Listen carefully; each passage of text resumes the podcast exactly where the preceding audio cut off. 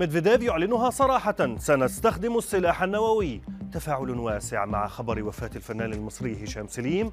صحف تصف بكاء ميغان ماركل أثناء الجنازة. مجرد تمثيل. أبرز أخبار الساعات الأربع والعشرين الماضية في دقيقتين على العربية بودكاست. بعد تهديد أمريكي بتوجيه ضربة مدمرة لروسيا في القرم أكد نائب رئيس مجلس الأمن الروسي ديمتري ميدفيديف أن بلاده مستعدة لاستخدام كل الأسلحة بما في ذلك النووية لحماية أراضيها.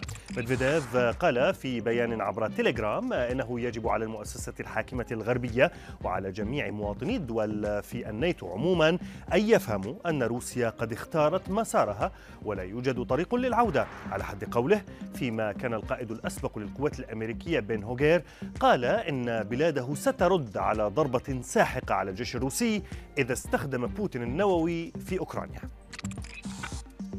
في مصر ضجت مواقع التواصل الاجتماعي بخبر وفاة الممثل الشهير هشام سليم عن عمر ناهز 64 عاما بعد معاناة مع مرض السرطان. نقيب المهن التمثيلية أشرف زكي كتب عبر صفحته الرسمية في إنستغرام وداعا يا صديق العمر وأرفق المنشور بصورة للممثل الراحل فيما يعتبر سليم من أبرز الممثلين المصريين الذين سطع نجمهم في تسعينيات القرن الماضي إذ شارك في مسلسلات وأفلام أفلام عديدة تركت بصمة واضحة في تاريخ الدراما والسينما المصرية على حد سواء.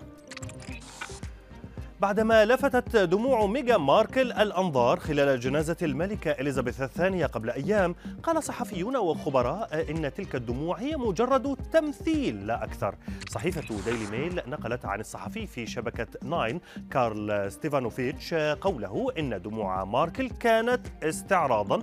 فيما صحيفة ديلي ستار نقلت عن خبيرة لغة الجسد أدريان كارتر قولها إنه من الصعب معرفة ما إذا كانت دموع زوجة الأمير هاري تعكس حزنا حقيقيا أم لا؟ مشيرة إلى أن ميغان كانت تعرف أنه سيتم رصد وتصوير استجابة عاطفية كهذه.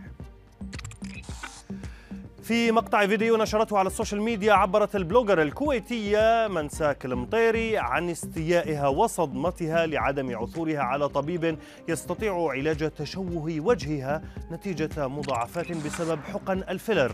المطيري اشتكت من أن الأطباء الذين زارتهم قائلة إن اهتمامهم بالأموال كان أكثر من علاج مشكلة وجهها وأشارت باكية إلى أن عينها بدأت تنغلق بسبب تلك المواد المحقونة في وجهها فيما لا لاقى الفيديو انتشارا واسعا بين نشطاء مواقع التواصل الذين عبروا عن أسفهم لما حصل لها وتمنوا لها الشفاء العاجل.